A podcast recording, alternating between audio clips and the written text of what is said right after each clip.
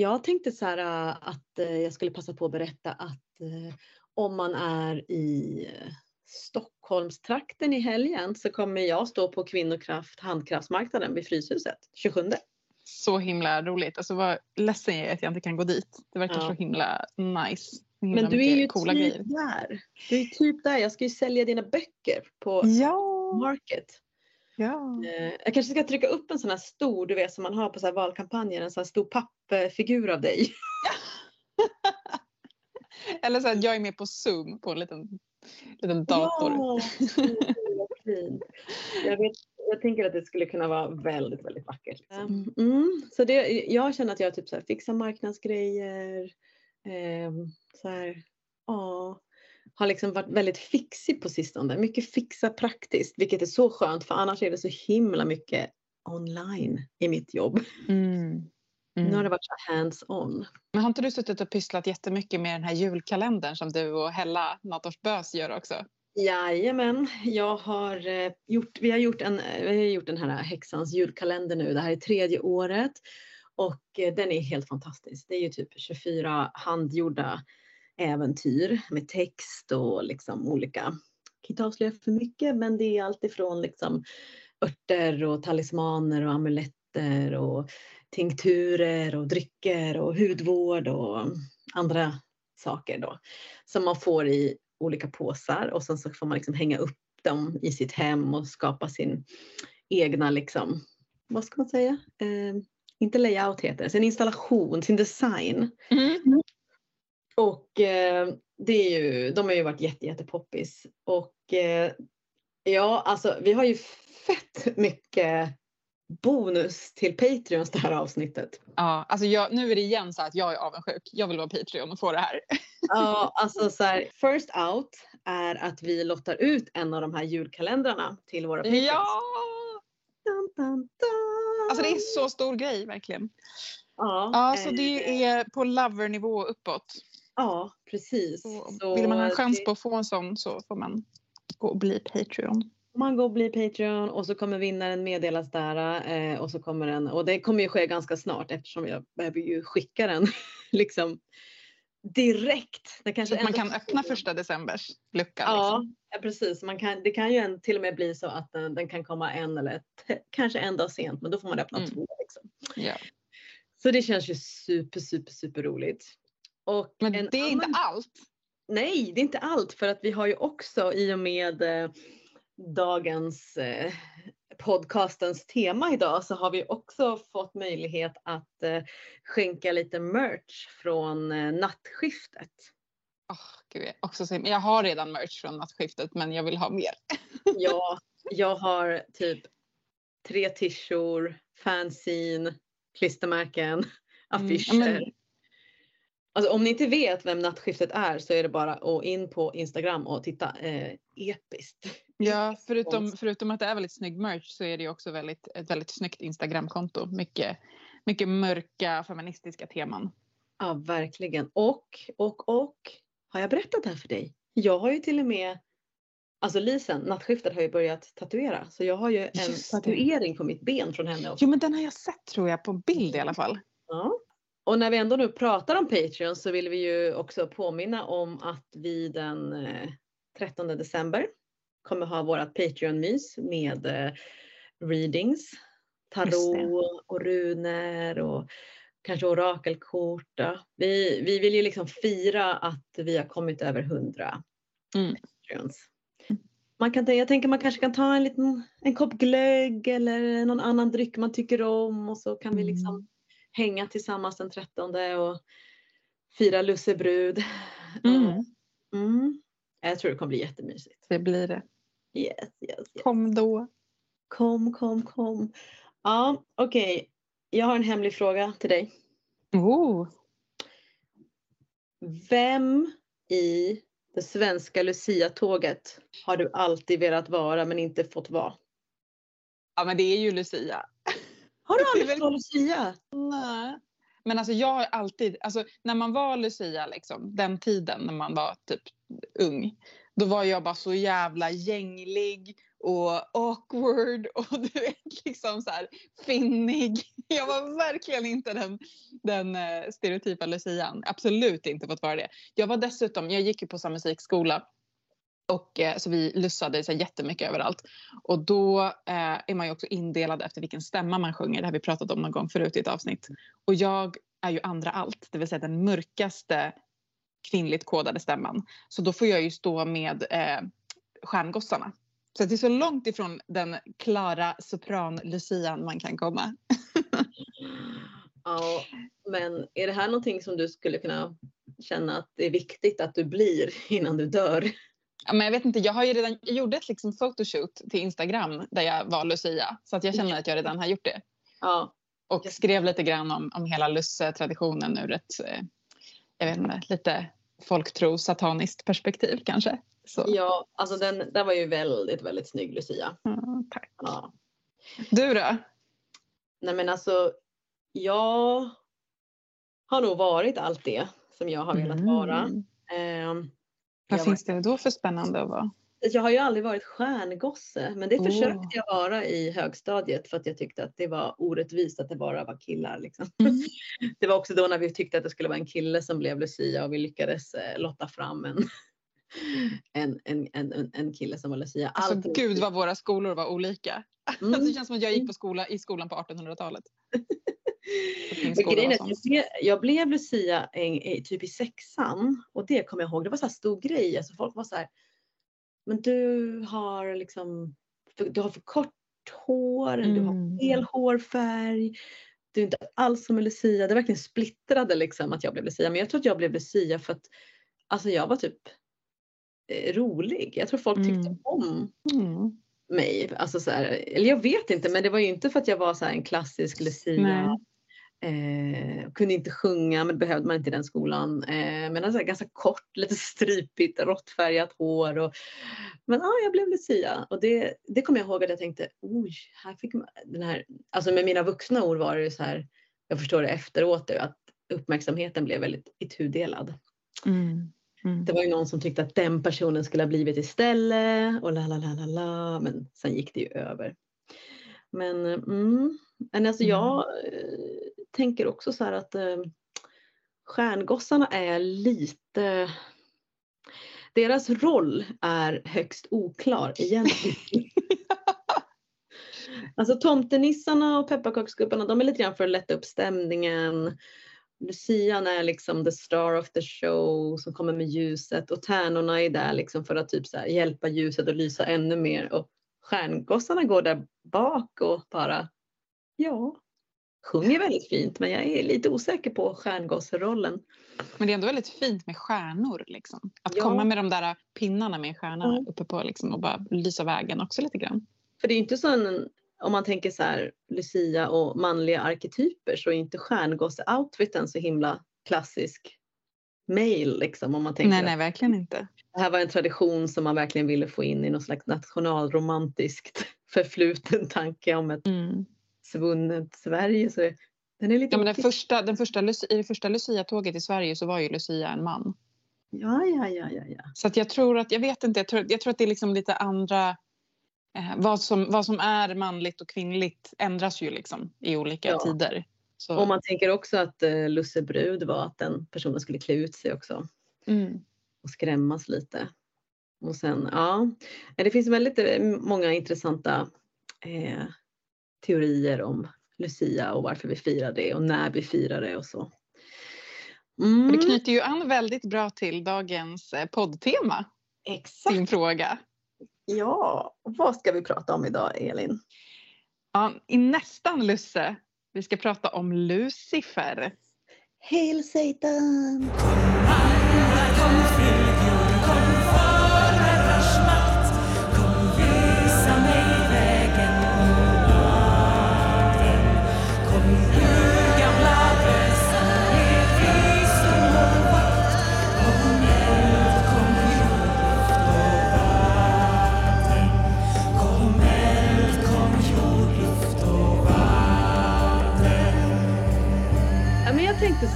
Ska läsa upp några grejer för dig. Eh, några liksom eh, pillars of foundation kan man väl säga.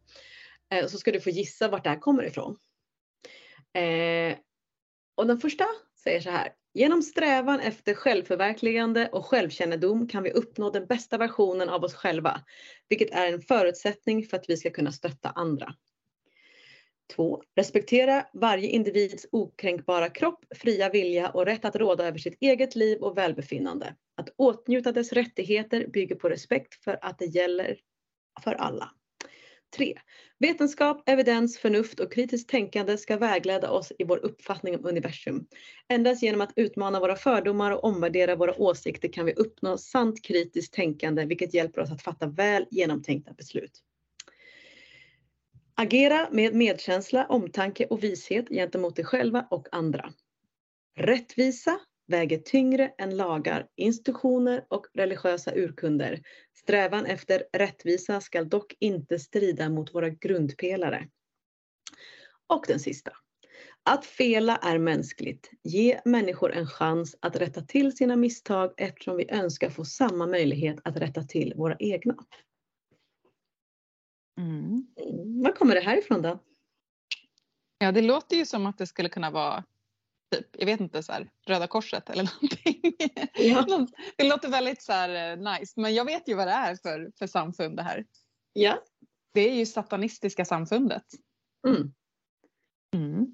Det är ju liksom sådana himla bra, de kallar det ju för grundpelare, men det är ju fantastiska grundpelare att bygga mm. en samfund eller organisation eller rörelse på. Jag tänker att det, det är nog det, det, är nog ganska få som lyssnar på den här podden som skulle säga emot de grundpelarna. Ja. Men det kanske inte är liksom det som folk i första hand tänker. När man tänker satanism så kanske inte de här sakerna man i första hand tänker på. Liksom. Nej, det tror jag mm. faktiskt inte. Jag tror att man tänker mycket mer på eh, alltså verkligen nästan motsats till, ja. till vad, ja, vad som... Verkligen.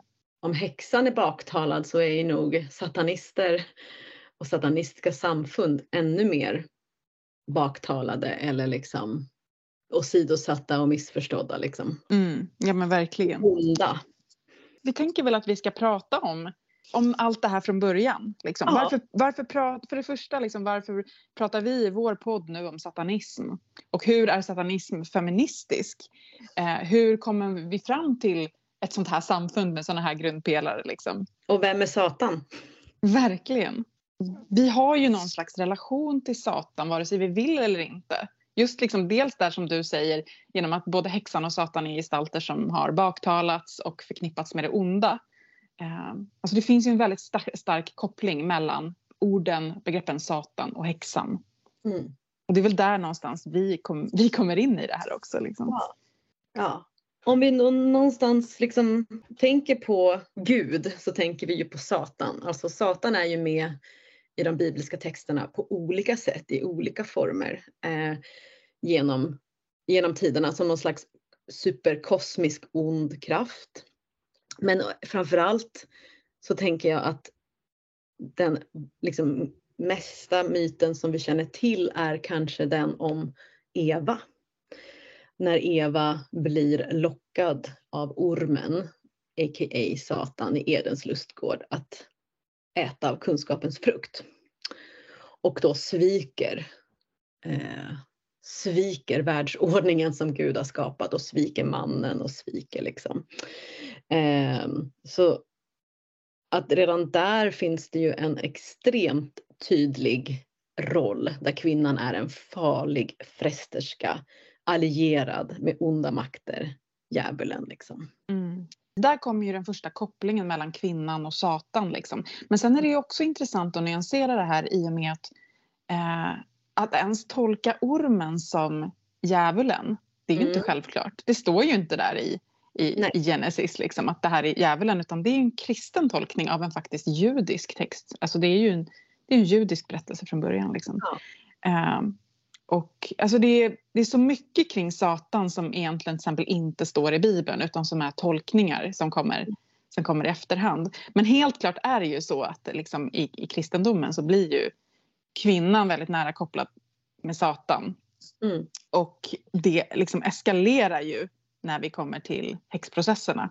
Därför där är ju själva definitionen av en häxa någon som är står i förbund med Satan. De två liksom kriterierna för att vara en häxa under häxprocesserna är att du utövar skademagi och att du är i förbund med Satan.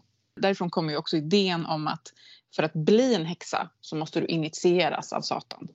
Just det. Så det, den kopplingen är ju superstark liksom däremellan.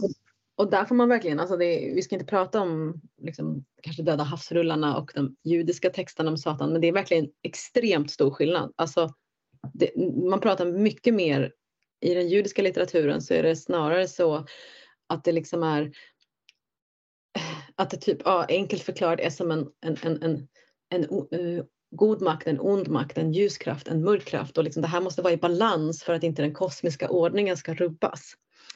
Eh, och sen har de ju massa regler och eh, förhållningssätt liksom. Men det är verkligen inte eh, det är typ som om det skulle, jag vet inte, du, du får gärna rätta mig här Elin, men att det snarare är som typ andar. Alltså det, eller andar utanför människan men också strider inuti människan. God och ond och så vidare. Mm.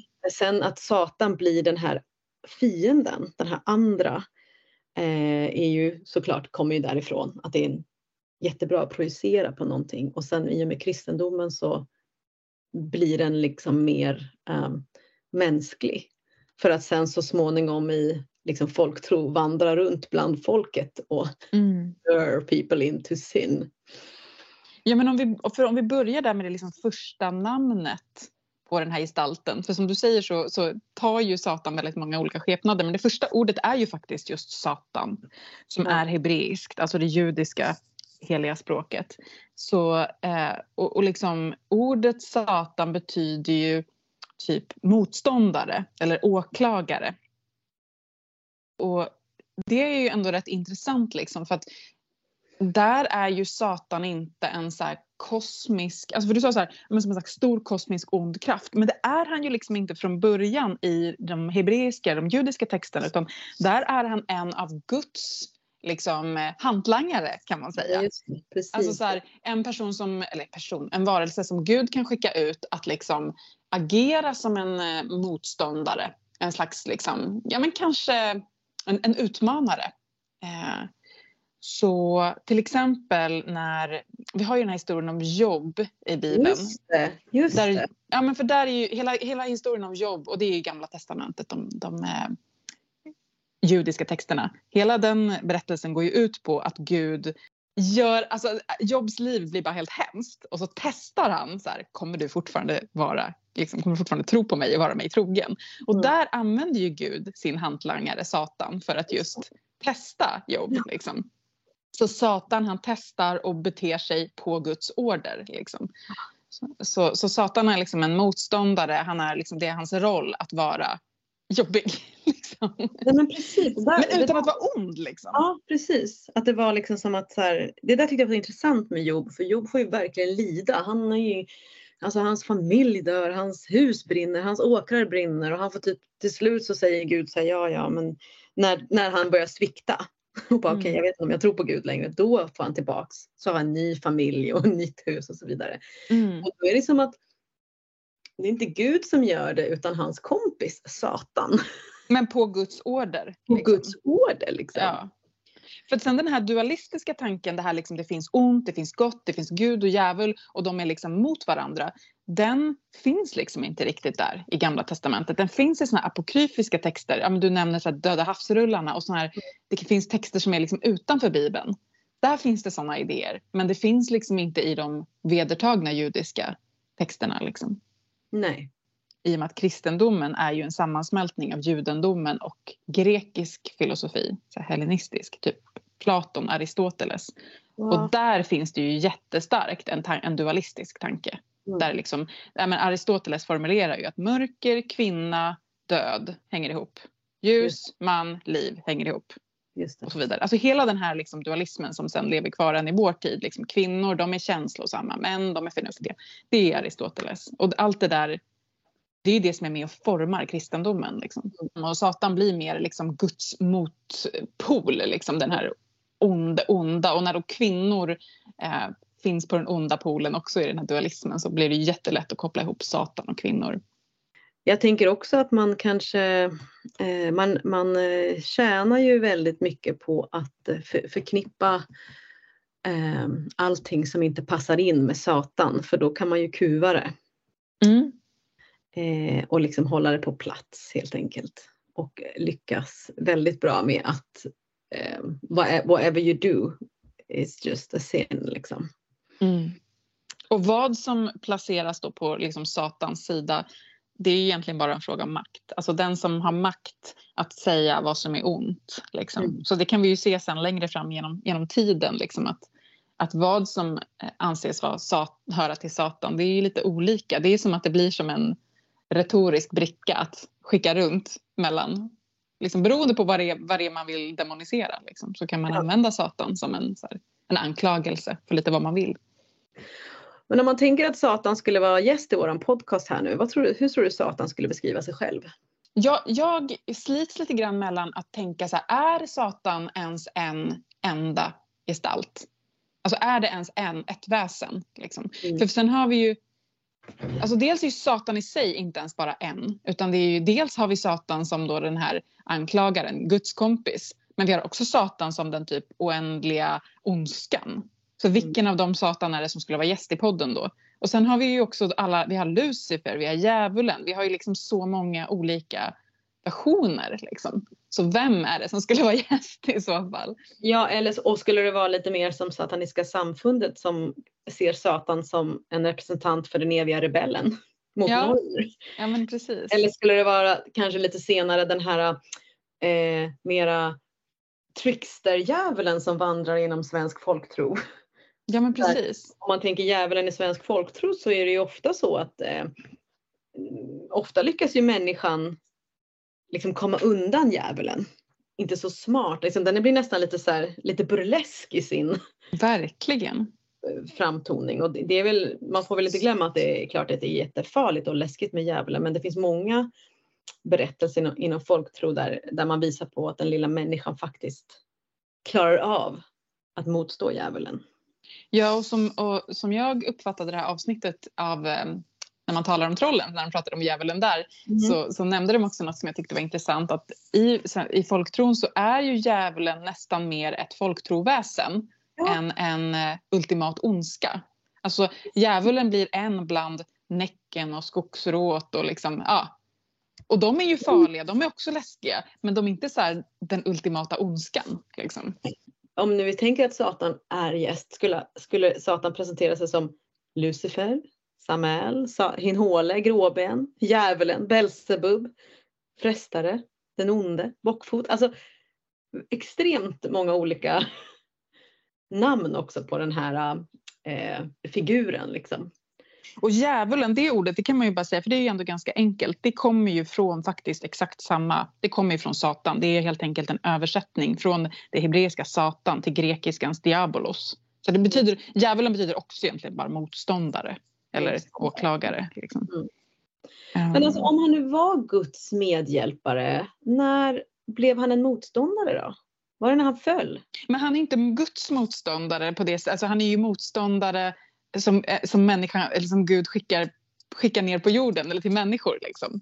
Ja men, men, men sen blir han ju en motståndare till Gud. Sen blir det ju Gud och djävulen. Så där. Mm. Alltså, och det alltså, tänker jag kommer i med kristendomen och dualismen som, som mm som kommer in där från de grekiska filosoferna. Liksom, då, då blir plötsligt, det blir inte det här spektrumet utan det blir ont och gott. Liksom. Där mm. också man och kvinna och ljus och mörker, kropp och själ, allting placeras in. Och då blir ju djävulen representant för kroppen, döden, kvinnan, mörkret.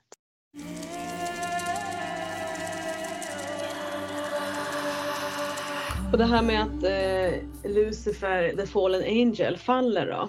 Det där är ju så himla mycket mer komplicerat än, än liksom vad man tror. För att den historien om Lucifer som så här, the fallen angel, den kommer ju väldigt mycket från en litterär eh, skapelse. Och det är Miltons bok Paradise Lost, en modern, ett modernt verk, eller liksom modernt från 1600-talet. Liksom. Det är ändå mm. så här, så det är en, en ren skönlitterär skapelse liksom, eh, som har blivit så betydelsefull att många Alltså många kanske, även typ kristna, inte liksom är medvetna om att tron på Lucifer som en fallen ängel, den Mm. kommer inte från Bibeln, den kommer från en skönlitterär bok. Liksom. Men det finns ju, liksom, det finns ju så små spår av det där med Lucifer som fallen ängel i Bibeln. Men det, ah, det är väldigt så här, kort beskrivet men, och, och liksom, det kräver ganska mycket tolkning. Alltså det, det står om så här, morgonstjärnans fall Just i Gamla testamentet. Men ja, vem är då det? Jo, men det syftar på typ en babylonsk kung. Det syftar inte på någon så här, ett övernaturligt väsen. Liksom. Nej. Alltså det finns ju betydligt mycket mer eh, berättelser, folklore, eh, filmer, skönlitterär om djävulen än om Gud. Man, man kan ju knappast skriva så jättemycket om Gud.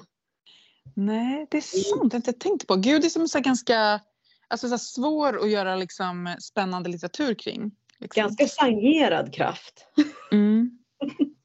på ett sätt. Ja. Om man tänker på Neil Gaiman som har eh, skrivit eh, Sandman och sen liksom en spin-off eh, på, på den är ju då serien Lucifer som också finns som Netflix.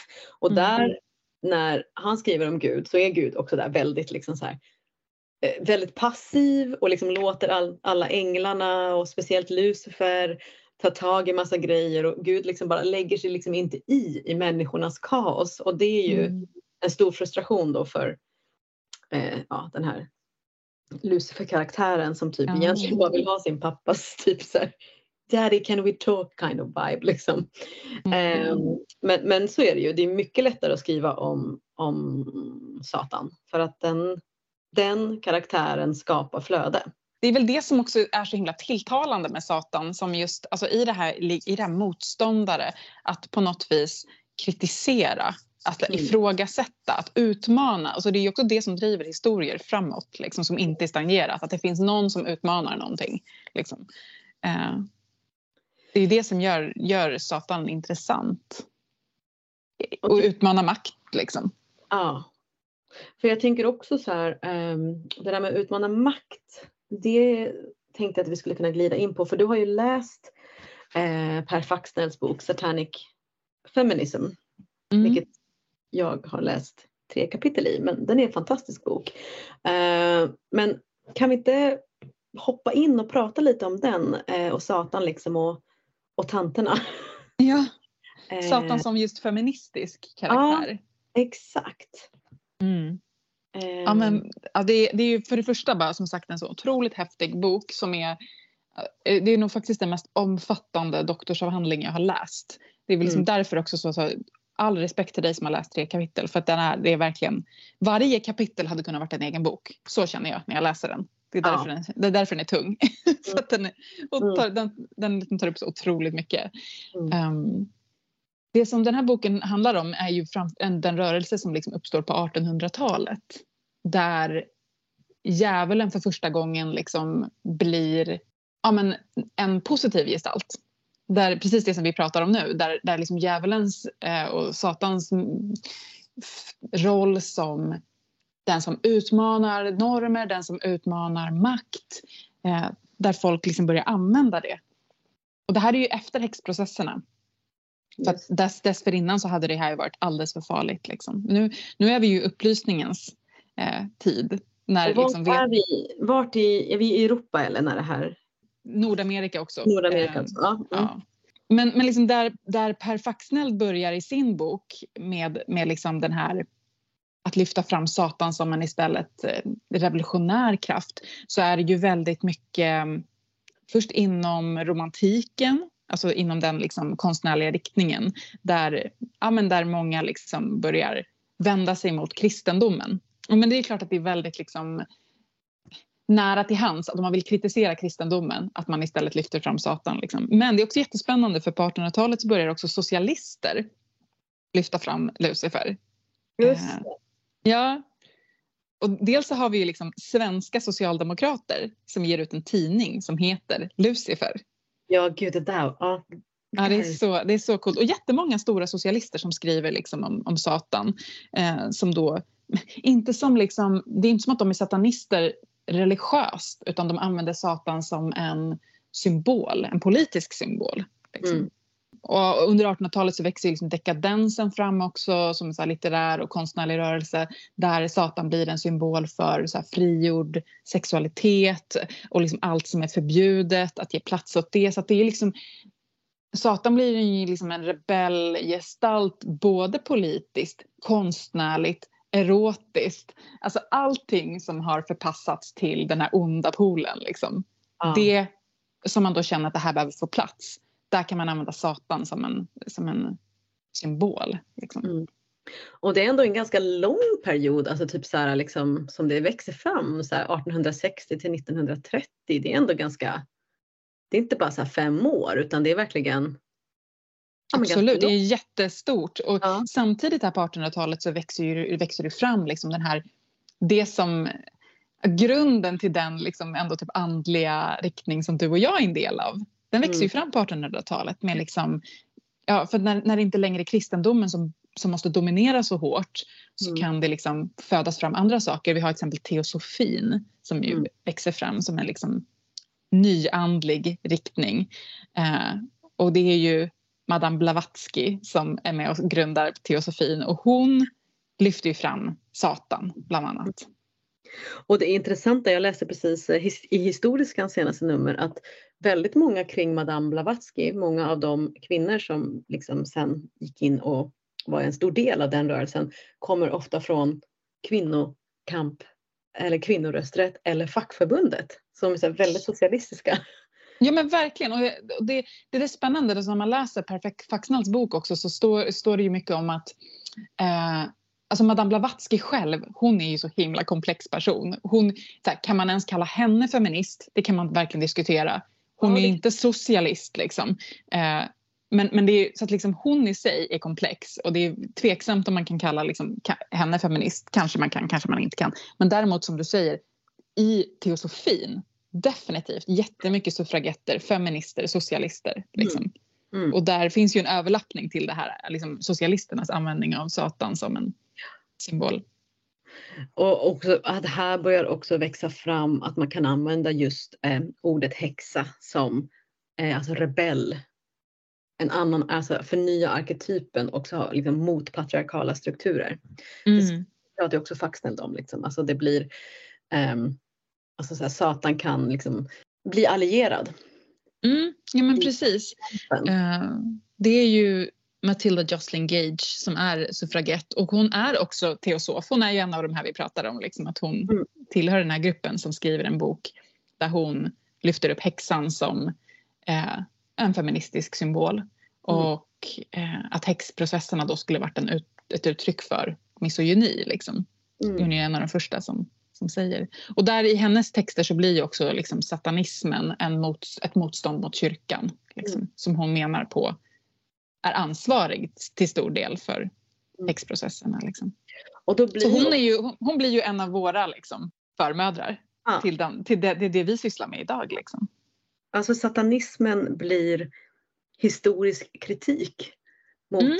Religionsutövande, mot historien, mot eh, samhällsordningen, mot eh, genus, mot eh, kön. Alltså det är så här, it just holds everything.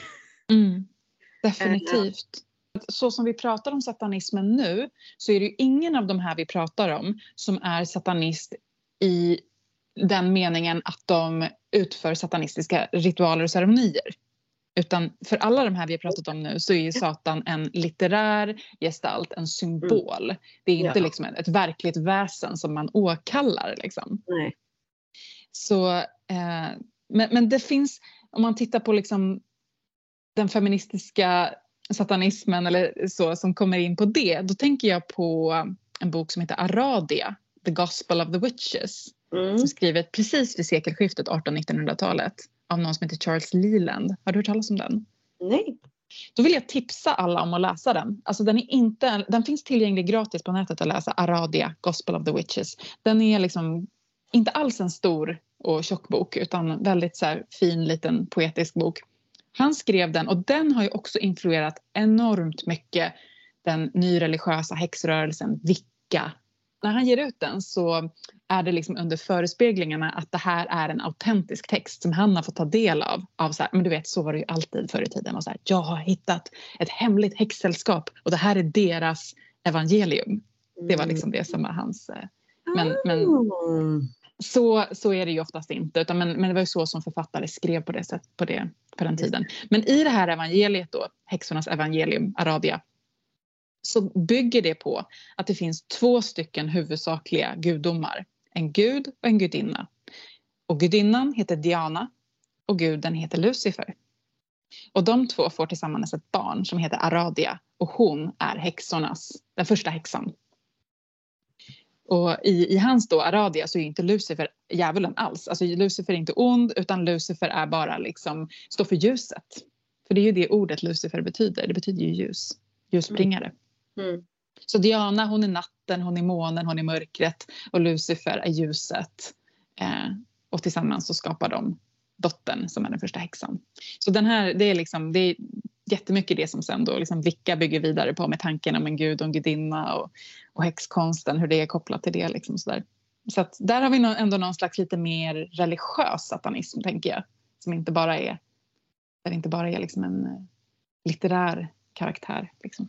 Gud vad det hade varit så jävla intressant att vara med i de här samtalen när, de här, när den här boken skrevs. Liksom, vad var det för liksom, vad, vad hände liksom? How was, you know, if they would have had Instagram liksom, vad var det som hände? Mm. Ja, men jag tänker att han, han måste ju bara varit jätteinspirerad av alla de här liksom, Ja. som har skrivit innan. Liksom. Madame Blavatsky, Matilda Jocelyn Gage ja, och massa andra som också var inne på att liksom, omtolka häxan, omtolka Satan. Liksom. Mm. Men det blir ju också liksom ehm, just det där att det blir genom att eh, använda Satan som motståndaren och rebellen mot liksom den ordning som inte stämmer. Eh, det vill säga, och det här är ju också som jag från satanistiska samfundet, liksom det här alltså om, om, om människor gör en massa skit och vidrigheter i Guds namn så borde vi kunna göra lite härliga och förändliga saker i Satans namn som Mm. liksom bringar kärlek och eh, rättvisa. Och det här blir ju genom att de att de redan liksom bara så här, genom att säga att så här, men Lucifer är min liberator, då har man liksom redan, eh, hur, hur ska du svara på det? Alltså det Mm. finns ingenting, du cannot scare me with God. Jag är redan lost, Mm. jag är redan försvunnen eh, från den här möjligheten. Liksom jag är en, du tycker att jag är en fallen kvinna och jag säger att jag är en fallen kvinna. Men utan att makten försvinner från en själv. Mm. Så det är ju så himla himla eh, och det är väldigt användbart också när, när ehm, eh, modern Eh, liksom satanistisk feminism när de använder Satan på det sättet så liksom typ jättestark eh, eh stark liksom antiabortrörelse i USA. Det är jättemånga som jobbar med liksom Satan och feminism för att eh, liksom alla ska, människor ska få en abort. Så att säga. För då, då tar man bara bort hela gudsgrejen som annars är ett så stort argument. Ja, men det handlar ju om att, att liksom människor, människor som har kämpat för fri abort, de kallas satanister. Och då säger, istället för att säga nej vi är inte satanister, vi vill bara ha fri abort, då säger de så här bara, ja men om Satan är för fri abort, då är det väl vi satanister då? Liksom. Så okej, d- om Satan är för fri abort, ja då som, tacka fan för att jag är satanist då. Liksom. Jag, vill, jag vill inte ha din gud om gud är emot fri abort. Typ så blir det ju. Men verkligen, och jag tänker så här, i den här dokumentären som fortfarande finns på SVT som heter Hail Satan. Mm. Den är visserligen så här, det är ju både om, det finns ju två stora organisationer inom då eh, global satanism som är Satanic Temple och Global Order of Satan och de har gått skilda vägar. Men i början av filmen så är de liksom en och sen så sker det ju splittring i dokumentären. Men det är ju en del i dokumentären som är så himla intressant också när eh, det är massa kristna grupper som eh, kräver liksom undervisning i kreationism. Alltså att man ska tro på Gud som skapelsemyt och inte någonting annat. Och då går ju liksom i dokumentären så går ju då Satanic Temple in och bara kräver Darwin och kräver vetenskap. Mm. För det, Utifrån så- då ett religiöst Ja, liksom, argument. De säger att vetenskapen är vår religion. Mm. Och det är också så klockrent liksom att man säger, nej men då går vi in och, och kämpar på samma sätt. Om ni kräver det här, då kräver vi det här. Verkligen. Alltså det är också spännande det du säger nu om det här med vetenskap och kopplingen till satanism. För jag tänker att det är ju inte heller bara taget ur luften. Det är ju väldigt, för långt innan satanistiska samfundet lyfte upp det som att, så här, att det här har med vetenskap och förnuft att göra så alltså det är ju bland de första liksom, kritiska argumenten till mot liksom, kvinnoförtryck och i, i liksom, historien om just Eva och kunskapens frukt är ju att menar, om Satan erbjuder Eva kunskap Alltså om ormen säger så här, ät den här frukten så får du kunskap. Ja. ja då, vill vi, då vill vi vara på ormens sida. Vi vill ha kunskap. Alltså, Ja, så det. det är någonting som de här Matilda Jocelyn Gage och de här första feministerna på 1800-talet pratar om jättemycket. Att liksom, ja men aha, Lucifer kommer med kunskap, men ska vi inte hänga med honom då? Liksom? Alltså han är upplysaren, ljuset och kommer med vetenskap. Liksom.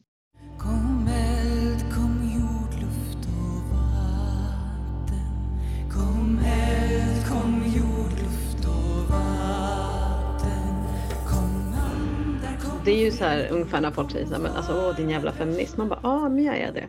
Mm, ja men precis, för feminism var ju också ett skällsord från Mm. början. Ja, från det där då, från liksom att, att, att Satan har använts som i historisk kritik och, och används för att eh, befria. Eh, vad, vad liksom, men vad händer sen då? För sen så blir det ju liksom, sen blir det ju lite, jag vet Läskigt inte. igen.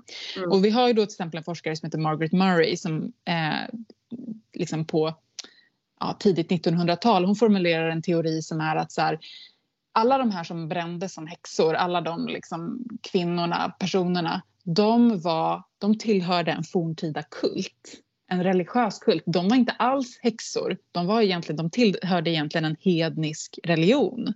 Mm. Och det är ju den eh, tanken som sen förvandlas till Wicca kan man säga.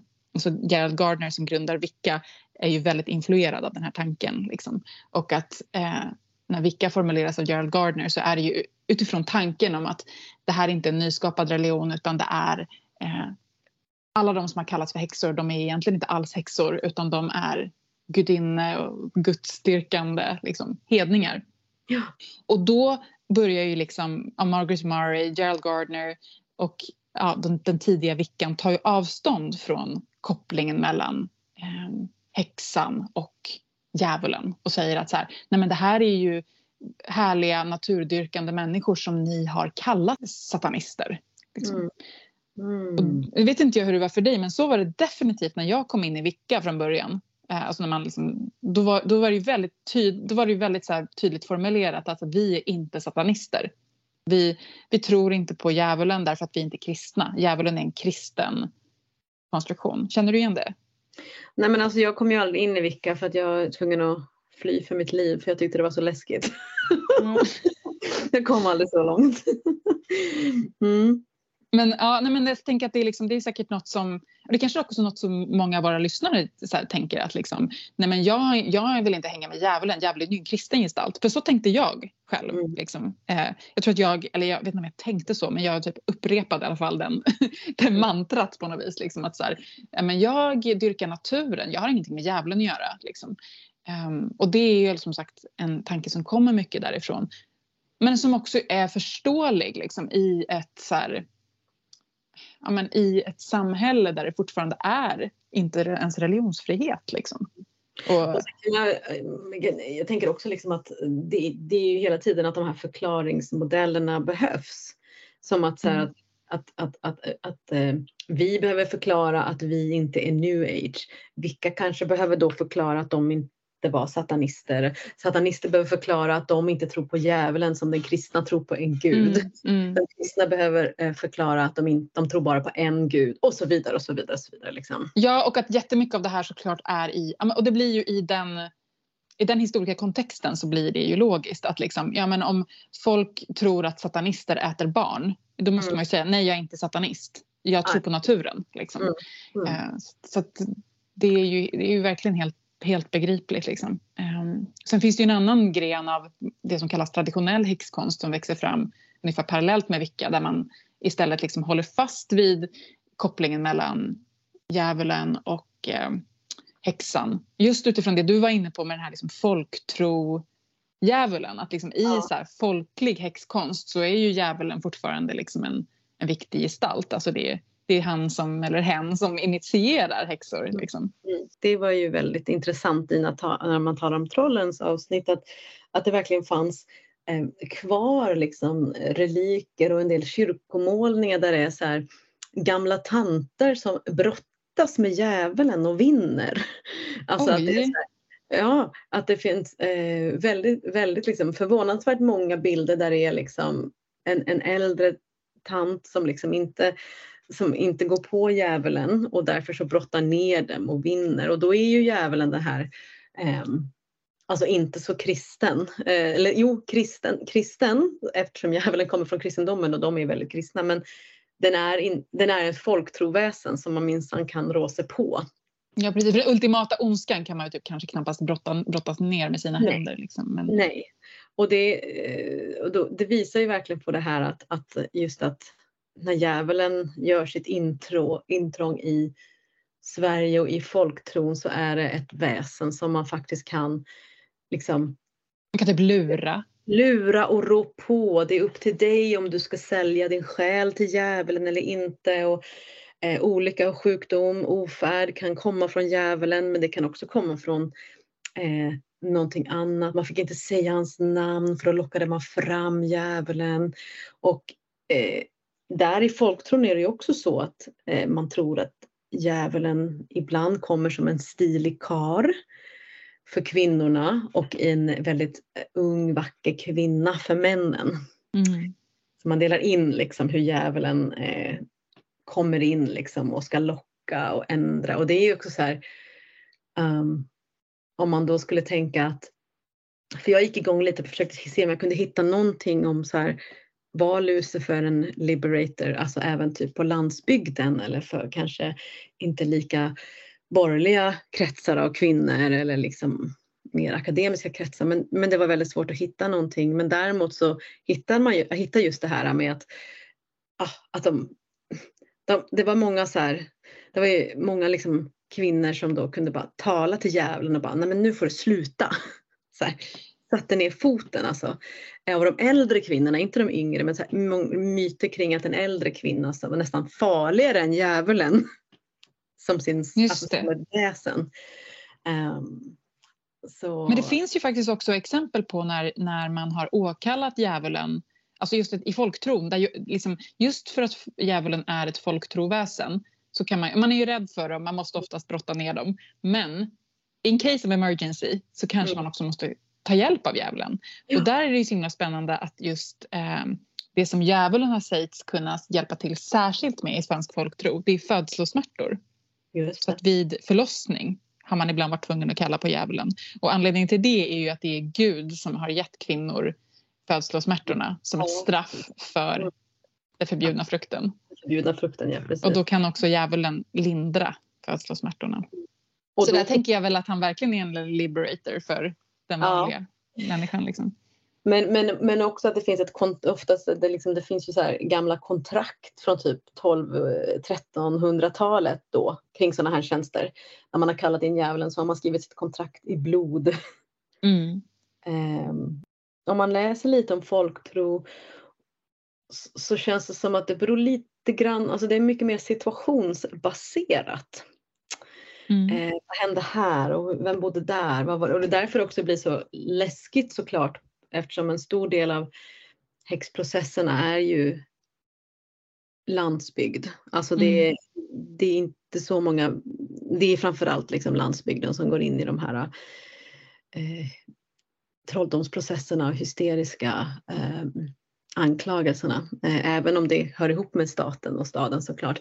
Eh, så det känns som att det inte är lika lätt på landsbygden att kanske åkalla Satan. Eh, och, och, Det är farligare liksom. det är farligare. Mm. Och jag Det tänker att, det, här, det, det dolda kanske. ja, och jag menar, det är ju som det är. Jag bor ju på landet nu och, och du bor på en ö. Alltså det blir ju, allting blir ju större när man bor i en stad och kan ha ett lite mindre sällskap och liksom röra sig i sådana kretsar där man är trygg och så vidare. Eh, nu tror inte jag att någonting skulle hända om jag gjorde det, men det skulle ju säkerligen bli en snackis. Mm. Absolut. Mm. Och Ja. jag tänker att liksom den, den stora rädslan, eh, alltså det finns ju en sån nästan masspsykotisk rädsla sen liksom häxprocesserna och ända in idag för den här tanken om att det finns liksom em, grupper av människor som tillber Satan. Eh, Ja. det är liksom det, hela den här idén om häxsabbaten, alltså att Mm. häxor liksom åker och, och liksom firar så här, ritualer tillsammans med djävulen. Det är ju liksom en helt litterär skapelse. Det, finns, det har ju liksom aldrig hänt. Eh, och eh, man kan inte historiskt sett se att det finns några satanistiska liksom, organisationer, kulter förrän på 1900-talet i och med Church of Satan. Just det. Så att liksom, ja, det är 1966 som Church Ja. of Satan grundas. Men då har vi liksom tusen år, alltså hela medeltiden, hela liksom, eh, den moder- tidigmoderna tiden, 1800-talet. Under hela den här perioden så finns ju den här underliggande rädslan. Alltså, så, så fort någonting är liksom fel i samhället så är det så här det kanske finns en grupp onda människor som antingen är de kvinnor och de bor på landsbygden, de är änkor, de är eh, konstiga kvinnor eller så är de så här mystiska män som har makt eller de är judar.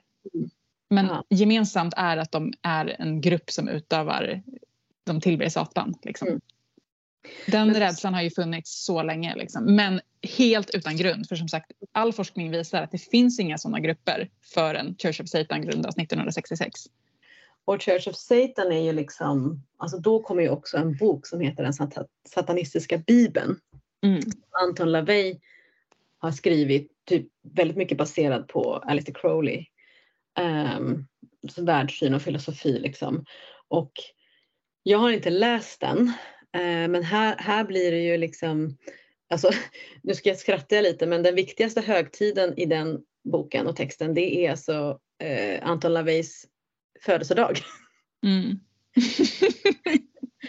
Så ehm, det är ju liksom, ehm, ja, alltså man får, det är ju religionsfrihet, man får ju skriva egna texter och göra sin egen grej liksom. Mm.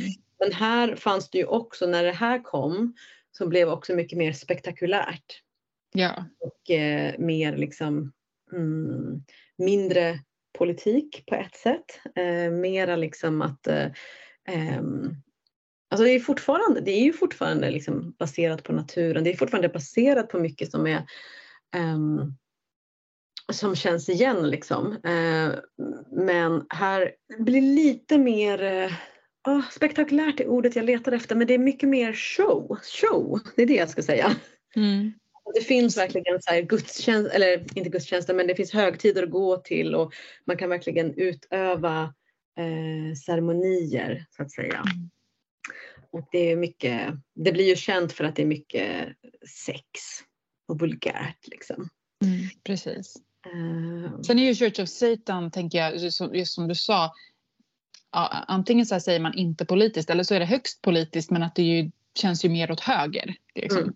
Jämfört med då nästan all politisk och aktivistisk satanism innan 1800-talet och däromkring har ju varit tydligt vänster och feministisk. Så Church of Satan bygger ju på en slags, um, Ja. eh, men någon slags etisk egoism. Liksom. Så, han men det är, det är som du säger, man kan, vem som helst kan ta Satan och Ja. så här, nu Mm. betyder Satan det här. Liksom. Ja. Det, är, det är ju en symbol som vem som helst kan ta.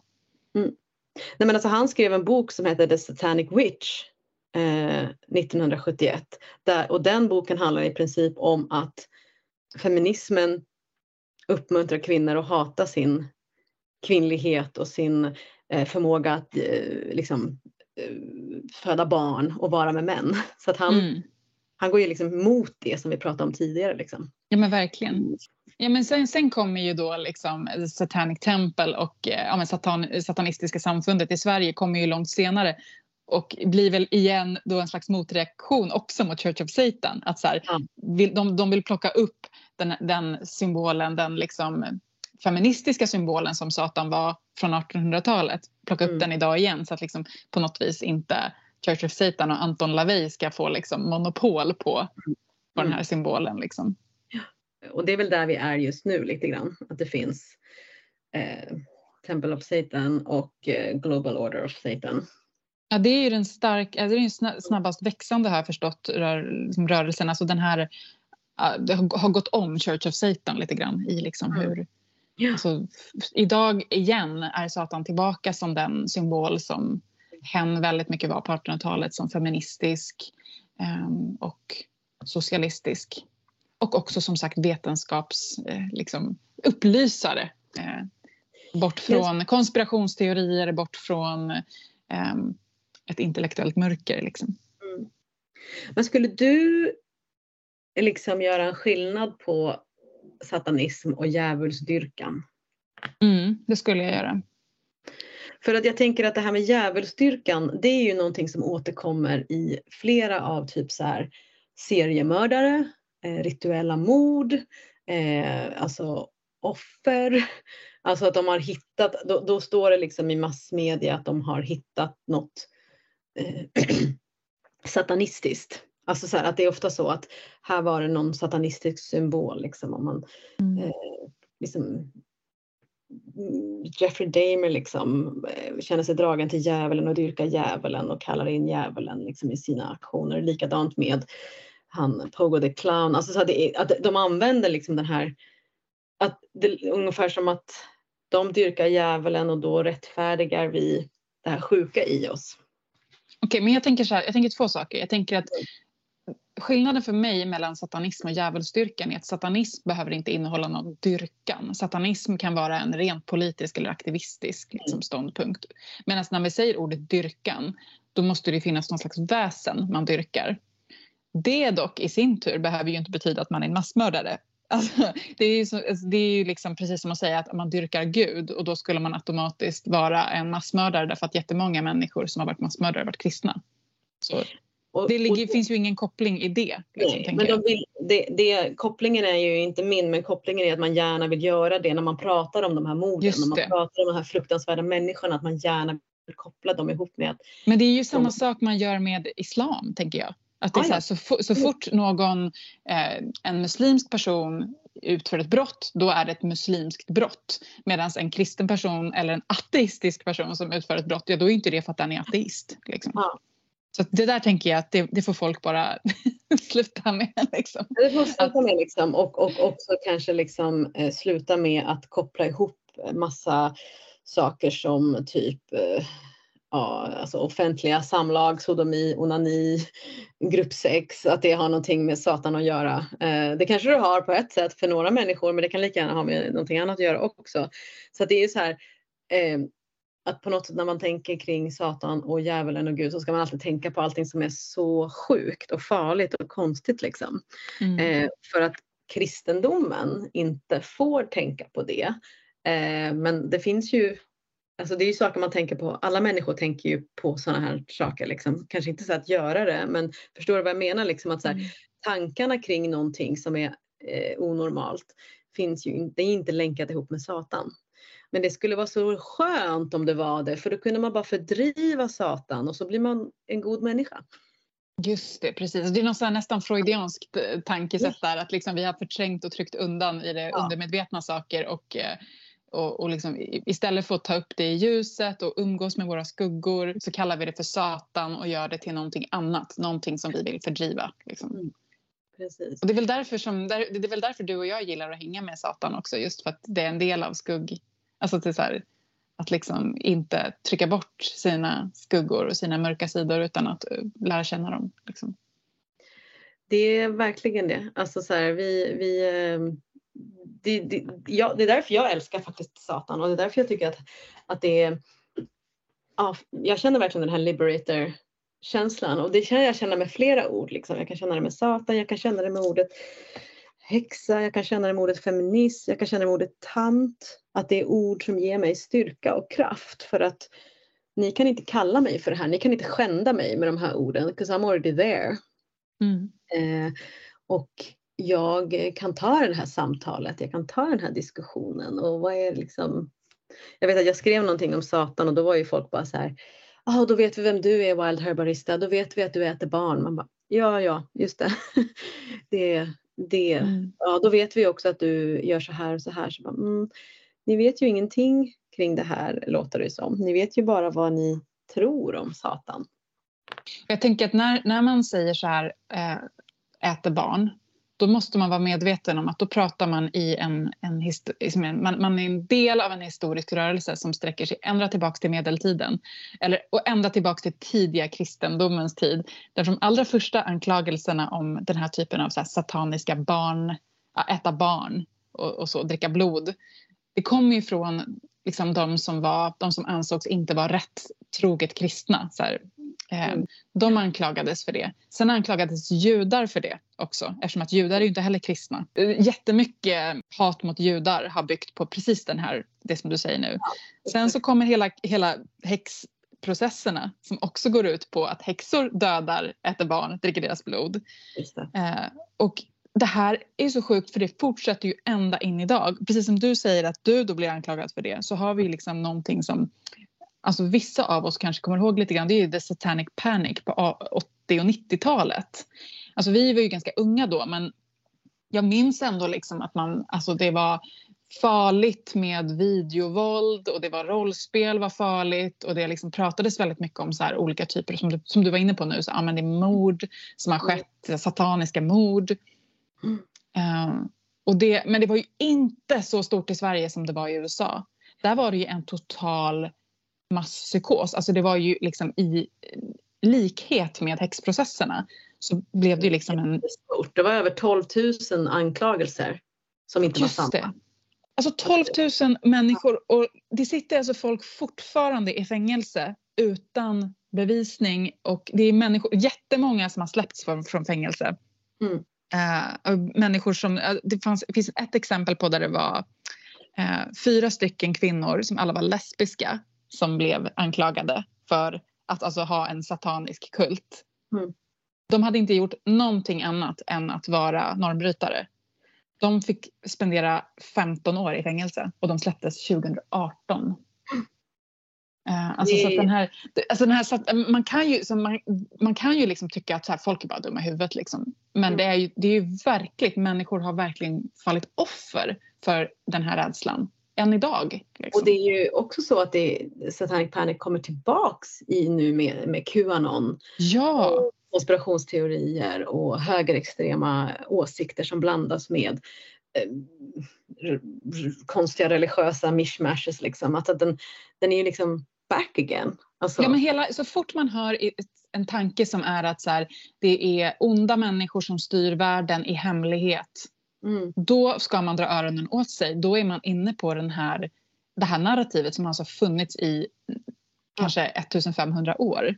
Som alltid riktas mot eh, normbrytande och utsatta grupper. Liksom.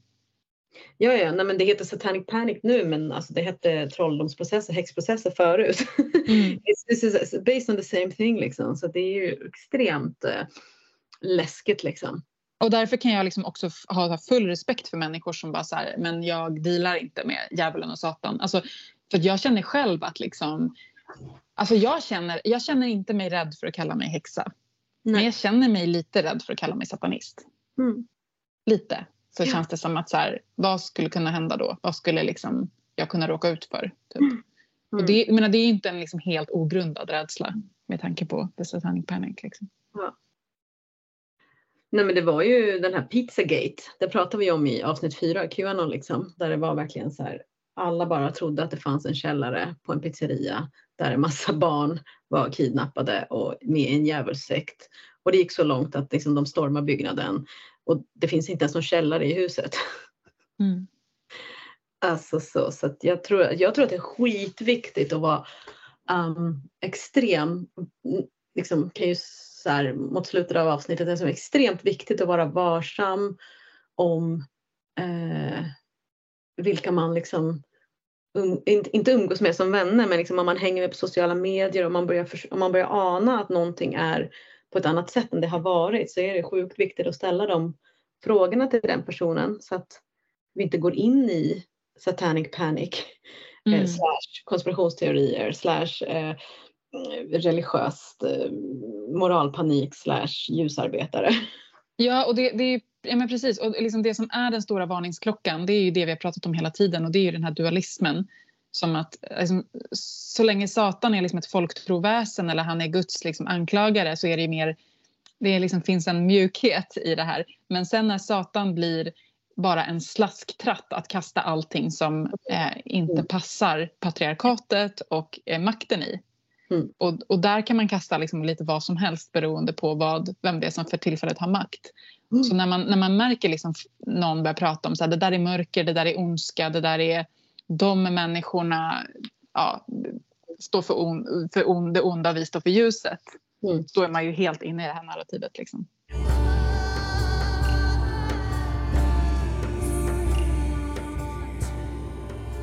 Ja, wow, vilket avsnitt hörru. Alltså det finns så mycket som inte vi har pratat om som jag hade velat prata om. Vi kanske får göra ett, eh, någon slags eh, special, vad heter det, bonus på Patreon. Ja, ja, verkligen. Det vore väldigt roligt. Det tycker jag vi ska göra. Och inte ens pratat om att jag egentligen är lite kär i Lucifer. Liksom. En sak som vi inte heller har pratat om, kommer på nu, det är också Satan och alla hans olika djur som han alltid är förknippad med. Ja, men det får vi också ta på Patreon. Getter, ormar, spindlar, råttor. Just det. Gud. Och vi har inte ens pratat om eh, djävulen som så här, queer karaktär och eh, könsöverskridare. Ja, men vi kanske får göra det på Patreon då. Och vi har inte ens pratat om Satan och kön faktiskt. Så kör vi lite extra Satan för våra Patreons helt enkelt. Alltså allt det som vi inte har sagt nu som inte hann med i det här avsnittet. Det kör vi ett litet bonus, lite bonus eh, episod på Patreon. Så eh, Fy fan vad gött. Det gör vi. vill, vill ni ha lite mer Satan så ses vi där. Völvans spådom. Från dåtid till nutid till framtid. Vi älskar och tackar er Patreons från djupet av våra hjärtan. Tack, tack, tack. Puss, puss, puss. Ni är otroliga.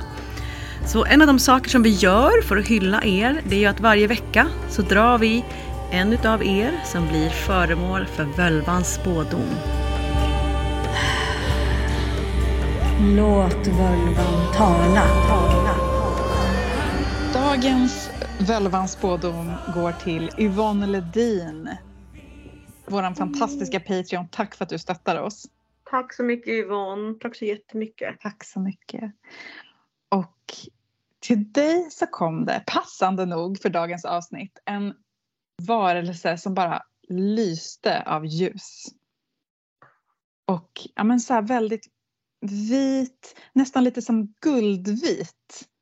Liksom verkligen bara så här, så att jag nästan bara såg siluetten, konturerna, bara vad är det här för ljus varelse? Mm.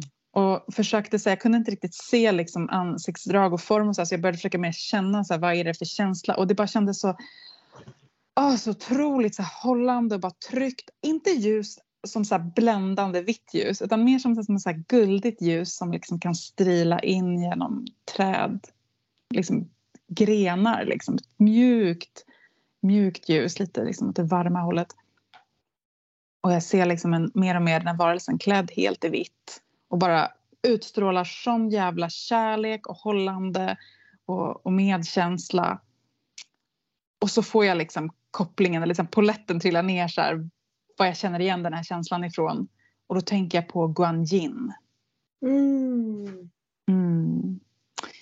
Guan Yin som ju är en, en bodhisattva egentligen. Alltså vi säger ju gudinna lite slarvigt, det kan man väl, kan man väl säkert kalla henne för gudinna.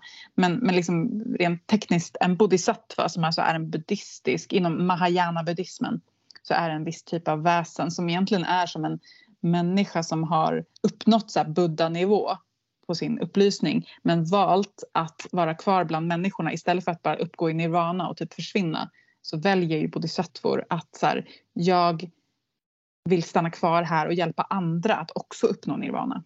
Mm. Så bodhisattvorna är så otroligt liksom så här, om, vad heter det, medkännande och, och omtänksamma. Så det är liksom, is, har möjligheten att uppnå nirvana och bara bye bye, I'm gonna do my thing now. Men istället väljer att vara kvar i världen med lidande och bland människor. Och av alla bodhisattvor så är ju Guan Yin den som typ allra, allra mest förknippas med medkänsla och barmhärtighet. Alltså som Mm. verkligen bara så här förlåter allt, kommer när du behöver det och liksom aldrig någonsin dömer utan bara är liksom så här super förstående. Eh, och som jag tänker kan vara en så här otroligt skön energi att, att vara i. Liksom. Eh, och som bara kan så här, ta en precis för den man är. Liksom. Alltså, ordet guanyin det är, en, det är ett kinesiskt ord, en, en slags översättning av Avalokiteshvara som egentligen är liksom den, ja, det ursprungliga namnet på den här bodhisattvan. Och det är lite spännande för när man tittar på Avalokiteshvara så är det liksom en, eh, oftast i form av en man. Och kan också så framstå vara i kvinnogestalt men ofta, ofta i mansgestalt. Men just i den här kinesiska versionen av den här bodhisattvan där hon då kallas Guanyin så avbildas hon som kvinna. Det är liksom mm. en, ja, en, en, ändå en komplex gestalt. Har du någon relation med Guanyin? Du, har jag en relation med henne? Det var den första eh, gudinnestatyn som jag köpte när jag var 18 sant? år. Oh. När jag flyttade hemifrån till Skottland så eh, liksom hittade jag henne och hon är ju liksom eh, Ibland är hon avbildad liksom med typ så här, som en symboliskt typ tusen armar för att kunna liksom mm. reach out to one and all och liksom verkligen kunna hålla liksom eh, comfort och liksom skydd och protection och då hade jag liksom med henne för att det var också moden och barnets beskyddare. Så jag har haft den statyn sen jag, alltså jag har haft den i över 20 år. Den har inget huvud längre för den har ramlat i alla flyttar och så. Eh, men jag alltid, jag har haft henne som en, eh, en, jag har en banderoll också med henne och jobbat jättemycket med henne som just den här eh, källan, att komma till den här punkten i sig själv där jag kan ge utan att jag blir trött. Vad är det jag behöver göra för att kunna ge från en oändlig brunn? Så att hon påminner mig också om gränssättningen för mig själv så att jag inte ska inte orka. Mm. Och om ni någon gång har hört Om Mani Padme Hum-mantrat så är ju det hennes. Är det? Ja. Om Mani Padme Hum, det är Guanyin. Oh. Mm. Så att uh, she's with me och jag tänker så här Yvonne att det är en jätte, jätte, jättevacker energi, eh, bodhisattva, gudinna att jobba med och är det, precis som, som Eldin sa om Satan, är det jobbigt att gå in i den här totala fria givandet som hon på ett sätt står för så stay with the trouble. För att hon påminner oss också om att vi kan komma bort från den här tanken kring exempelvis energitillgång om man har varit exempelvis utmattad eller utbränd så är man så rädd att en, ens, ens energi inte ska räcka. Så kanske man väljer bort saker som, som man kanske egentligen skulle må bra av men man är så rädd att man inte ska orka liksom med det som man måste. Men hon påminner oss om att våga ta det där klivet igen tillbaks till det okända och kanske testa.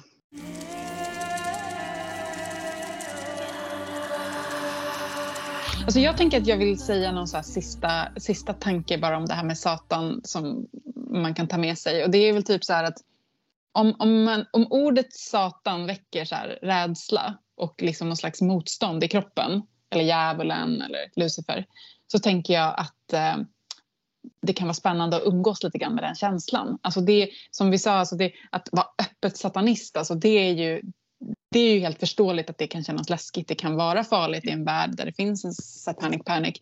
Men det är inte farligt att umgås med liksom, Lucifer hemma vid sitt altare eller i sig själv. Och Nej. jag tänker att de rädslorna som det här ordet väcker i oss handlar ju jättemycket om det som vi har pratat om i det här avsnittet. Att vad som har blivit liksom klassat som ont. Från Evas eh, tugga av frukten till liksom, modern tid av feminism och abort, kropp. Så, så det är väldigt spännande karaktär att umgås med för att jobba med skuggsidor och rädslor. Häng med Satan. Eh, berätta för oss om ni gör det, hur det känns och så vidare. Eh, det är ju lite som att så här, att hänga bara med ljuset blir tufft och hänga bara med mörkret blir tufft. Mm. Eh, men can't avoid any one of them liksom. Och kanske både, ka- kanske både ljuset och mörkret faktiskt kan rymmas i, i gestalten Satan som vi så ofta förknippar med mörkret men som också i namnet Lucifer faktiskt betyder ljusbringaren. Alltså jag tänker att Gud, om nu Gud finns, det vet jag inte riktigt, men om Gud finns eh, och om Satan finns som liksom eh, någon slags Guds eh, eller hantlangare och änglar. Alltså jag tror att de hade blivit ganska glada över att just det där som du sa på sistet, att, att det kan rymmas i en och samma kropp. Jag tänker liksom att det var ju så som Gud från början använde sin hantlangare Satan. Help me Mm. with this, jag, jag är inte så bra på det här. Ja, Gud, den gamla testamentliga guden, han är ju långt ifrån bara love and light. Jag Han är är ganska jävla brutal liksom. superbrutal liksom och ibland så orkar inte han ta ansvar för sig själv och då skickar han till andra änglar och grejer som får göra det jobbiga liksom. Eh, så att eh, nej. Åh, men du alltså fy fan vad mäktigt. Mm. Alla all hail Satan och tanterna. Praise Satan!